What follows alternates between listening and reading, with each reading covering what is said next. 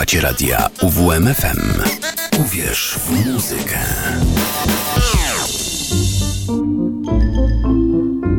Sowa przed północą.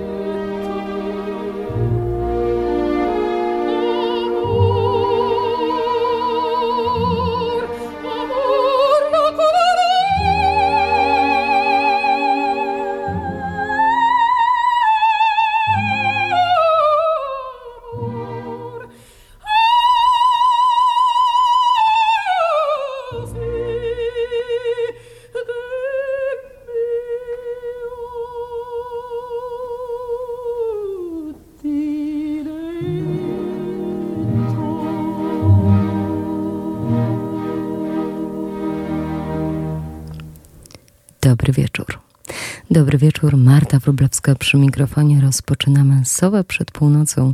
Tym razem bardzo klasycznie. Skoro był już Pavarotti i na to się odważyłam, to stwierdziłam, że słuchacze Sowy przed północą są tak wymagającymi e, słuchaczami, że na pewno będą chcieli posłuchać Marii Callas. I to właśnie ona, Maria Callas, właściwie Sophie Cecilia Callas, albo, jak kto woli, Maria Mengini Callas, która urodziła się 2 grudnia 1923 roku w Nowym Jorku, a zmarła 16 września w 1977 w Paryżu. Była grecką śpiewaczką operową, sopranem, o międzynarodowej sławie. Nazywana była primadonną stulecia, primadonna assoluta albo la divina, boska. Była primadonną mediolańskiej Laskali, najczęstsze występy w latach 51 do 58 roku i potem w Metropolitan Opera w Nowym Jorku. Była obdarzona sopranem dramatycznym, ze zdolnością do wykonywania partii koloraturowych, bo tak się to nazywało, czyli multidramatycznych. Inaczej. To, co Państwo usłyszeliście, to było Comperme Sereno z opery Belliniego. La Sonnambula. I o tym też dzisiaj będę Państwu trochę opowiadała. Będziemy czytać książkę, którą napisał Anfulso Signorini, zbyt dumna, zbyt krucha, czyli powieść o Marii Callas. A teraz posłuchamy sobie kolejnych utworów i to będzie Maria Callas z Giuseppe Di Stefano i Orchestra del Teatro alla Scala di Milano i Palagacci z pierwszego aktu Untel Gioco e, en Mengilo di Gonciaro. Także życzę Państwu dzisiaj miłej audycji. Będziemy słuchali wysokiego głosu, który przepięknie przeniesie nas już za 42 minuty do północy. Jeszcze raz, dobry wieczór.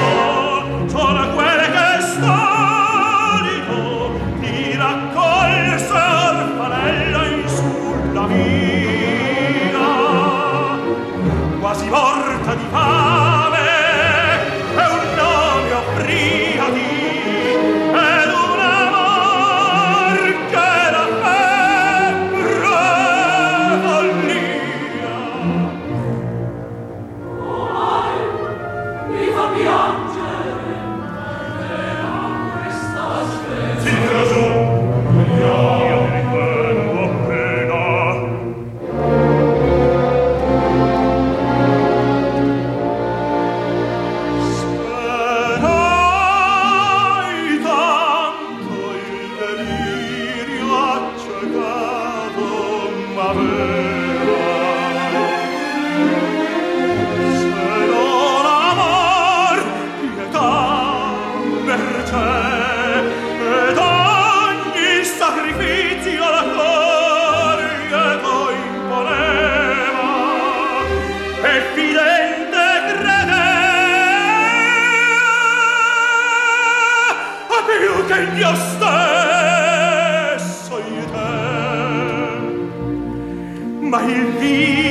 설배는 가설레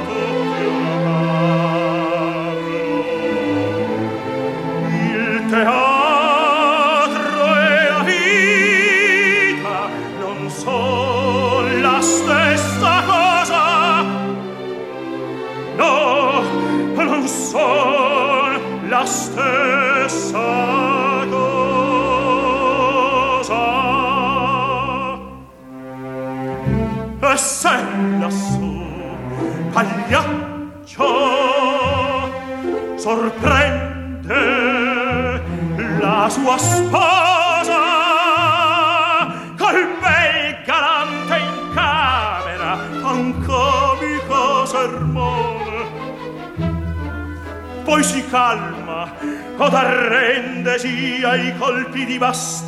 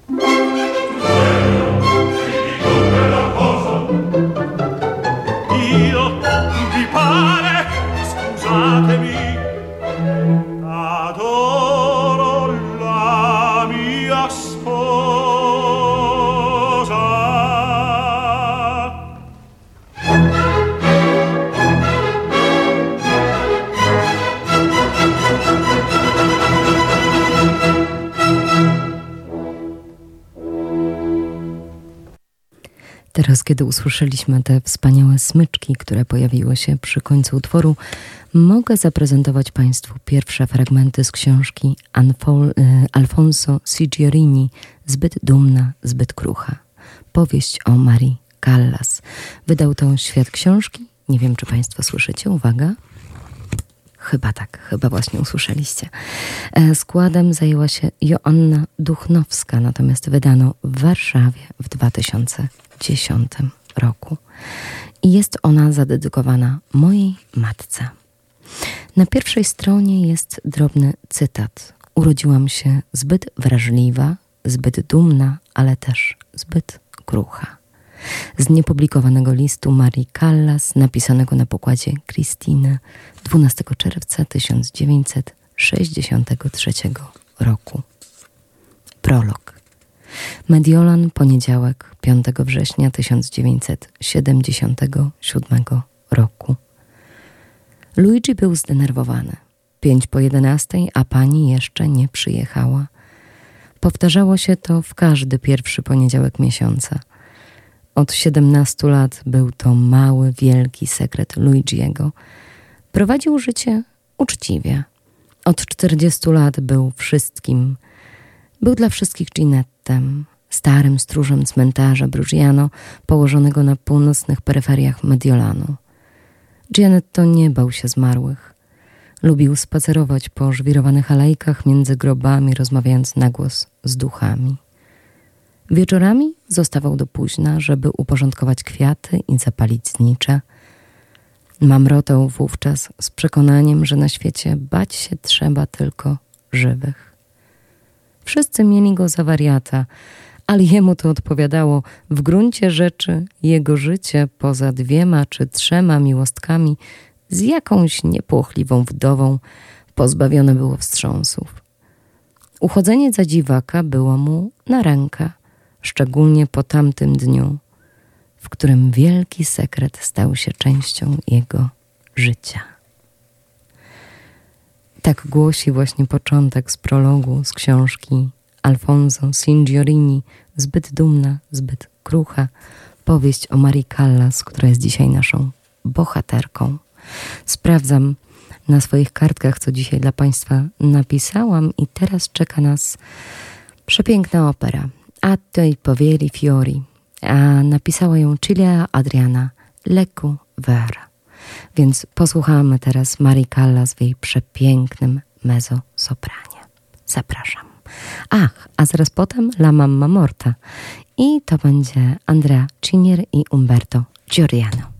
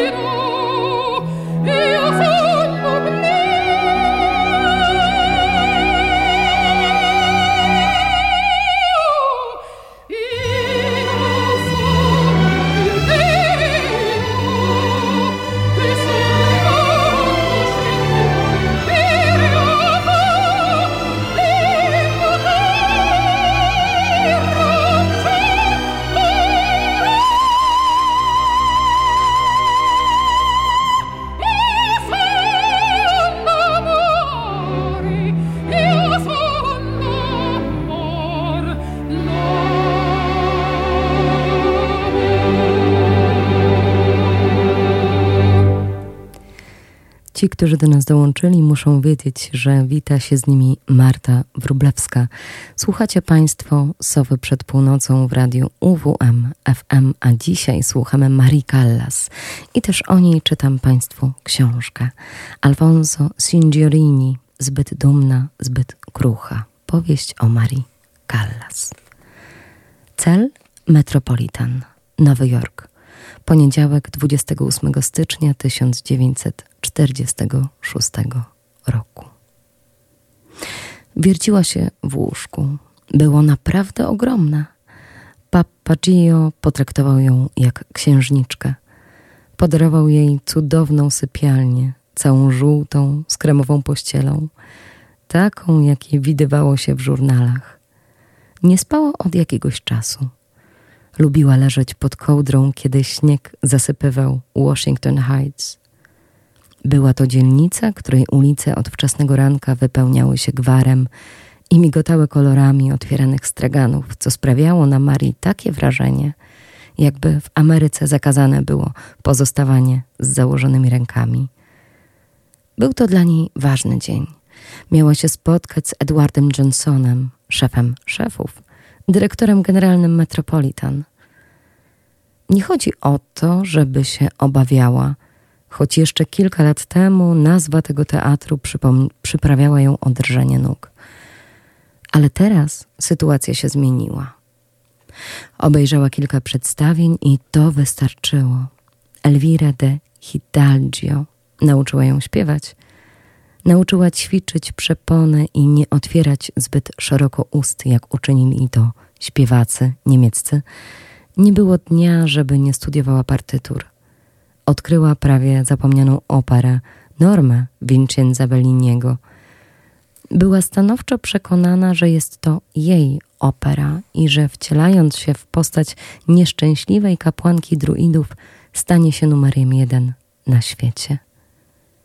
Choć była w Ameryce już od kilku miesięcy, nie zarysowały się przed nią jakieś szczególne, ponętne perspektywy. Niewzruszona jednak kontynuowała swoją ciężką pracę złożoną z nauki i ćwiczeń. Bez wytchnienia. Jedyną rozrywką było stanie w kolejce, ale zawsze z partyturą pod pachą, żeby nie tracić czasu, by dostać się na przedstawienie w Metropolitan.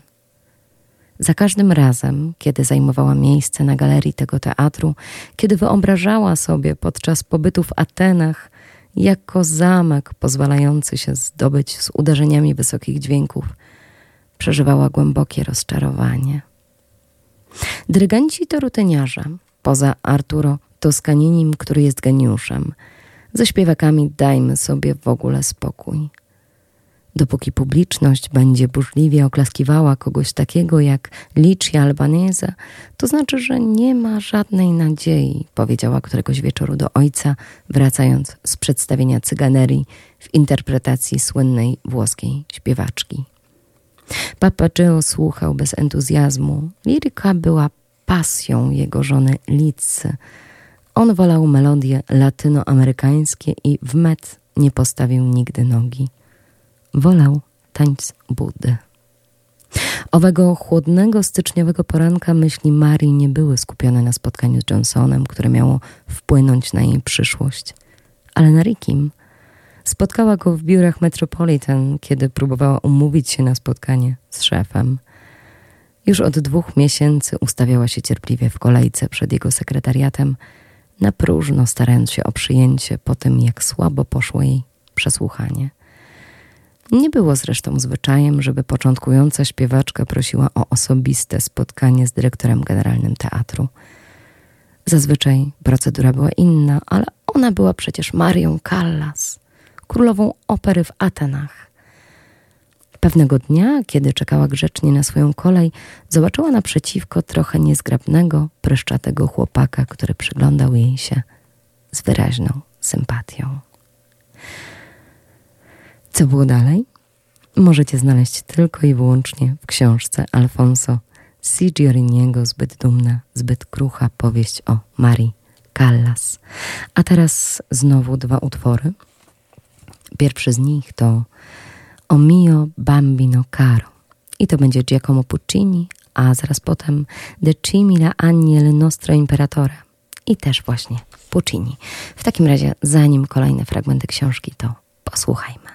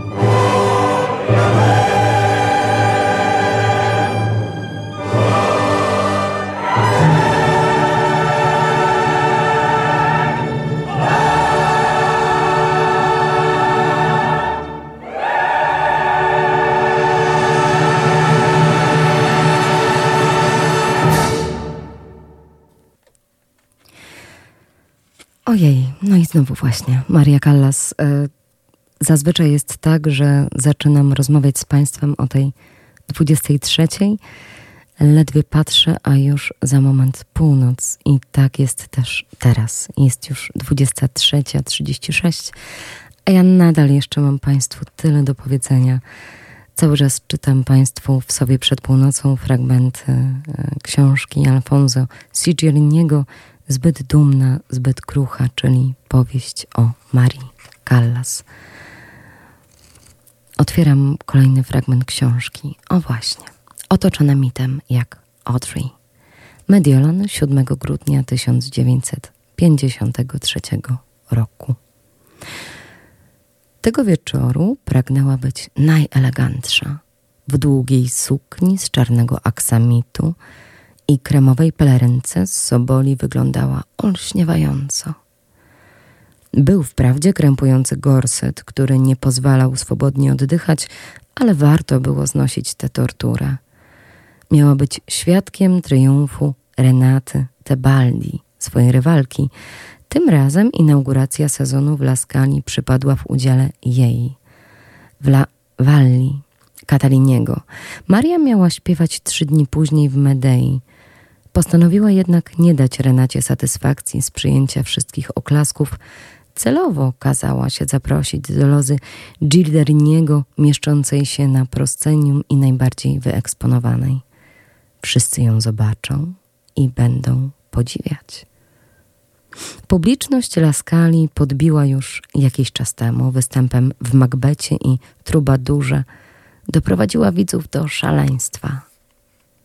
Mario, nie rozumiem, dlaczego za wszelką cenę chcesz włożyć dziś wieczorem te suknie bez rękawów, zauważył Titta, który chciał zajmować się wszystkim, co jej dotyczyło, łącznie z toaletami. Na premierę na pewno bardziej stosowna byłaby suknia z długimi rękawami, dodał. To proste, Titta. Wybrałam ją, żeby włożyć te śliczne, długie rękawiczki. To najnowszy krzyk mody. Wyląsowała je Audrey Hepburn na okładce magazynu Life, odparła z roztargnieniem Maria. Powód był jednak inny. Kiedy będzie musiała oklaskiwać tę przeklętą Tebaldi, dzięki tym cudownym satynowym rękawiczkom uczyni to bezdźwięcznie. Chwytała się takich małych podłostek, żeby zyskać nad rywalką przewagę. W tym samym roku staną też do pojedynku. Najpierw Renata Wali przeciw Marii Medei, potem Maria w Don Carlosie przeciwko Renacie w Otellu. W wyniku tego śmiertelnego pojedynku jedna z nich dwóch miała odejść na zawsze. Nie było miejsca dla dwóch królowych. Miał to być rok decydujący. Maria nie mogła się z tym pogodzić. W Tebali nie było nic, co mogłoby jej się spodobać. Według niej poruszała się na scenie z wdziękiem słonia. Jej głos był ciepły, miękki, ale przy tych wszystkich otwartych samogłoskach sprawiał wrażenie absurdalnie prowincjonalnego i pretensjonalnego. Była starą panną, wciąż uczepioną matczynej spódnicy, a jednak znajdowała u publiczności uznanie, którego Maria nie była w stanie usprawiedliwić. Spędzała bezsenne noce, zastanawiając się, jak ostatecznie pokonać rywalkę. Początkowo myślała, że wystarczy talent, ale choć nigdy nie przyznałaby tego publicznie, Tebaldi była mistrzynią. Kolejny fragment z tej samej książki, zbyt dumna, zbyt krucha. Patrzę na swoje kartki, które dzisiaj dla Państwa wydrukowałam i przed nami w tej chwili Libiamo, Strawiaty, Giuseppe Verdiego, a potem ten sam autor, kompozytor i Poppolo di Pechino.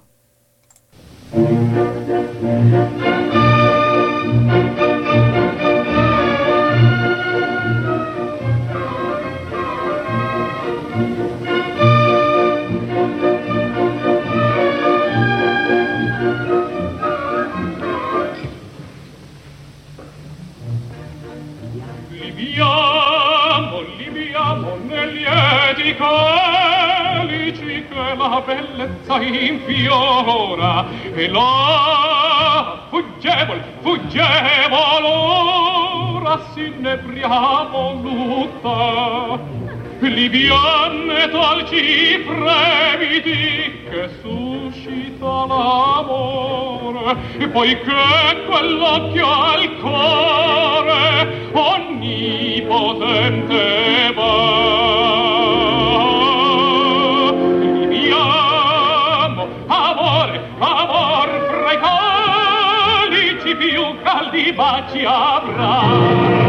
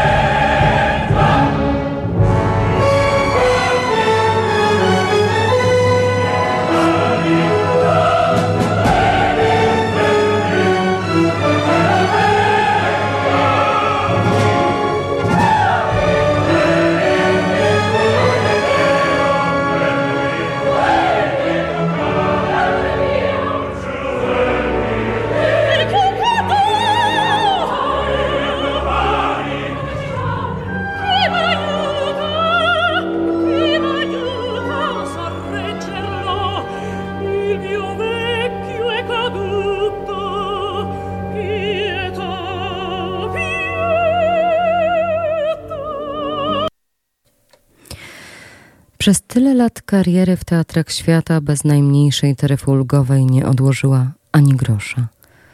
Wszystkim zarządza mój mąż. Nie jestem właścicielką niczego, zwierzyła się w chwili przesadnej szczerości. Mario, ależ to straszne, z twoimi honorariami powinnaś być w tej chwili miliarderką.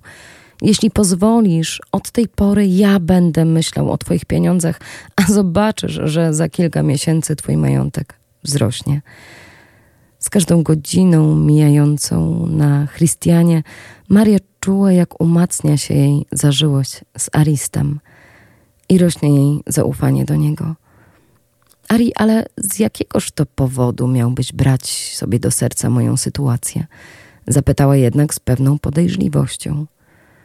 Odkąd stała się Kallas, nauczyła się nie ufać gestom altruizmu wobec siebie. Wszystko nastawione było przecież na zysk. Chodziło o wyłudzenie pieniędzy od najsłynniejszej śpiewaczki świata. To proste, dlatego że mi się podobasz, odpał Onassis, wytrącając jej wszelkie argumenty. Nie nauczyłaś się jeszcze, jak się rozluźnić. Nie uciekniesz mi, Mario. Ja jestem zwierzęciem. Jedynym ze zwierząt wyrosłych w dzikim środowisku, które walczyły i zabijały, by przeżyć. A ty będziesz moja, bo tak chcę przeznaczenie. Jesteśmy Grekami, mamy tę samą krew, czujemy obydwoje bardzo dobrze, że potrzebujemy się nawzajem. Masz tysiące mieszczańskich i prowincjonalnych lęków do zwalczenia, bo w środowisku pozostałaś dziewczynką z Aten, przeniesioną z Grecji do Nowego Jorku w poszukiwaniu szczęścia. Zamiast stawić czoło niezliczonym trudnościom w Stanach Zjednoczonych, wolałaś błyszczeć na włoskiej prowincji. To wszystko uczyniło cię osobą trochę smutną i skromną, a ja uczynię z ciebie prawdziwą kobietę. Maria była wstrząśnięta usłyszanymi słowami. Z jednej strony uważała je za piękne, lubiła fantazjować na temat wspólnej przyszłości z Aristem. Z drugiej jednak strony irytowały ją, jak śmiał zwracać się do niej w ten sposób. Aristo, jest późno. Lepiej, żebyśmy już poszli do kabin. Życzę ci dobrej nocy do jutra, powiedziała, zamykając za sobą drzwi. Te dzielące ich drzwi sprawiły, że poczuła się mniej zagrożona. Tite chrapał, a ona, wyciągnąwszy się u jego boku, patrzyła przez okienko na gwiazdy, które zdawały się konkurować między sobą o to, która z nich jaśniej zaświeci. Co się ze mną dzieje? Jak długo wytrzymam? Zasnęła z tym pytaniem, które bezlitośnie bombardowało jej serce i mózg. Jest 23.49, a my teraz posłuchamy przedostatniego utworu. Teraz pojawi się znowu Traviata Giuseppe Verdiego, a dokładniej utwór del Passato. Tak więc posłuchajmy jeszcze, zanim powiemy sobie dobranoc.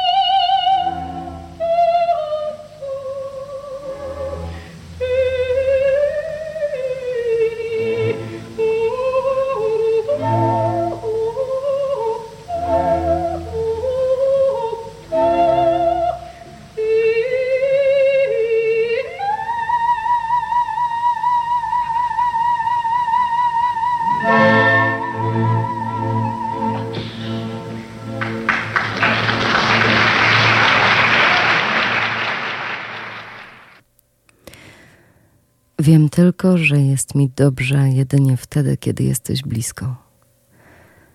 Maria poczuła przechodzący ją dreszcz, przyprawiający oszy przebicia serca. Nie była już w stanie rozumiować ani mówić. Aristo zdawał jej się piękniejszy niż kiedykolwiek dotąd. Opalony, z tym swoim nieposłusznym kosmykiem włosów, którego brylantyna nie była w stanie okiełznać, z tymi silnymi jak u marynarza ramionami. Cóż, to niezbyt ostrożne, ale to, co mówisz, podoba mi się i nie była w stanie wykrztusić nic więcej. Aristo wziął ją w ramiona i całował w uniesieniu. W pocałunkach tych była cała namiętność, którą przez te wszystkie dni podróży tłumili. Było pragnienie oddania się i posiadania. Maria czuła, że traci zmysły. To musi być miłość, powiedziała. Ari, nigdy w życiu nie doznałam niczego podobnego. Czuję się przepełniona wolą życia, działania. Mam ochotę planować nowe rzeczy dla mnie, dla nas. Tak, mam ochotę myśleć za dwoje. Nigdy tego nie robiłam, ale czuję, że, że z tobą tak powinno być.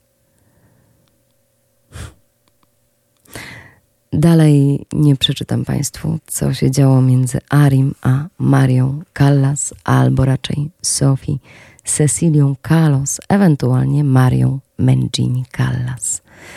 O tym wszystkim dowiecie się Państwo z książki Alfonso Signoriniego, zbyt dumna, zbyt krucha, powieść o Marii Callas, która została wydana w Warszawie.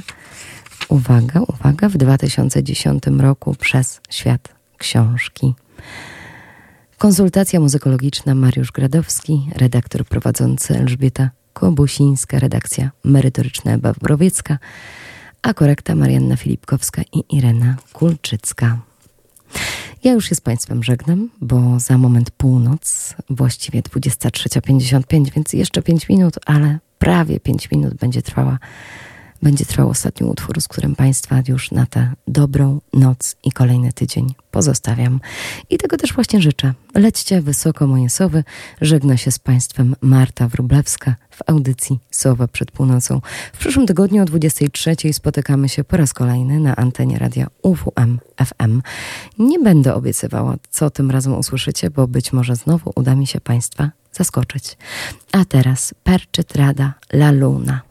Giacomo Puccini, a zaśpiewa Maria Callas. Dobranoc, wysokich lotów i dobrego tygodnia.